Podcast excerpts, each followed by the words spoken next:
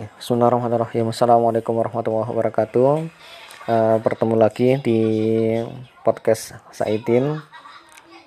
Sambil menunggu waktunya berbuka puasa, kali ini kita akan uh, membacakan sebuah buku yang berjudul Manajemen Akhlak Salaf, membentuk akhlak seorang muslim dalam hal amanah, tawadu dan malu, karangan dari Mahmud Al-Musri yang diterjemahkan oleh Ustadz M. Tihan Asyafi'i.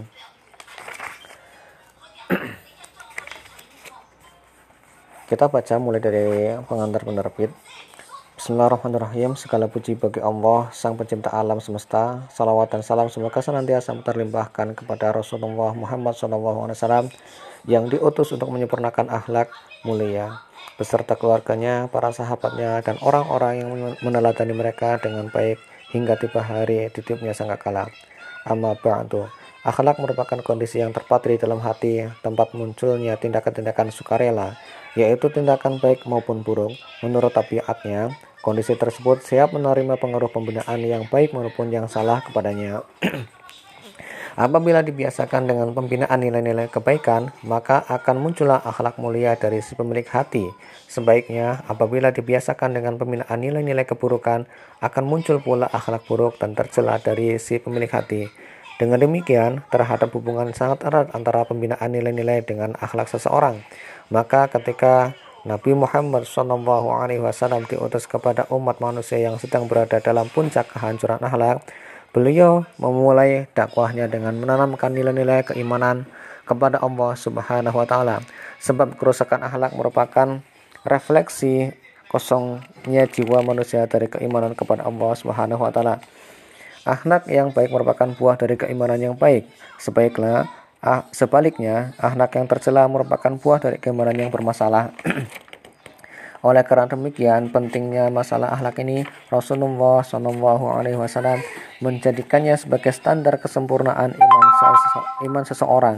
Beliau bersabda, "Akmal akmalul mu'minina imanan ahsanuhum khuluqan wa khyaruhum khyarukum linisaihim linisa linisaihim khuluqa akmal akmalul mu'minina imanan ahsanuhum khuluqan wa khyarukum khyarukum linisaihim khuluqa Orang mukmin yang paling sempurna imannya adalah orang yang paling baik akhlaknya, sedangkan sebaik-baik kalian adalah orang yang paling baik akhlaknya terhadap istrinya. Hadis riwayat At-Tirmidzi nomor 1082. Beliau juga bersabda, "Ma min syai'in ma min syai'in athqalu fil mizani min husnil khuluq." Tidak ada sesuatu yang lebih berat dalam timba, mizan atau timbangan daripada akhlak yang baik. Hadis riwayat Abu Dawud nomor 4146 dan At-Tirmizi nomor 1926. akhlak dalam akhlak Islam bukan sekedar teori yang jauh dari realitas di lapangan. Akhlak Islam merupakan akhlak yang bisa dipraktikkan dalam kehidupan sehari-hari sebagaimana halnya Rasulullah SAW dan para sahabatnya radhiyallahu anhu memberikan teladan, teladan kepada kita. Bahkan sejarah mencatat bahwa tidak sedikit orang kafir yang masuk Islam karena merasa kagum terhadap keindahan akhlak Islam. Bukankah Surakah bin Malik yang ingin membunuh Nabi SAW akhirnya masuk Islam setelah tertegun kagum dengan akhlak beliau yang begitu mu, muli, yang begitu mudah memaafkan. Bukankah penduduk Samarkan masuk Islam setelah kasus gugatan mereka terhadap pasukan Islam dimenangkan oleh pengadilan?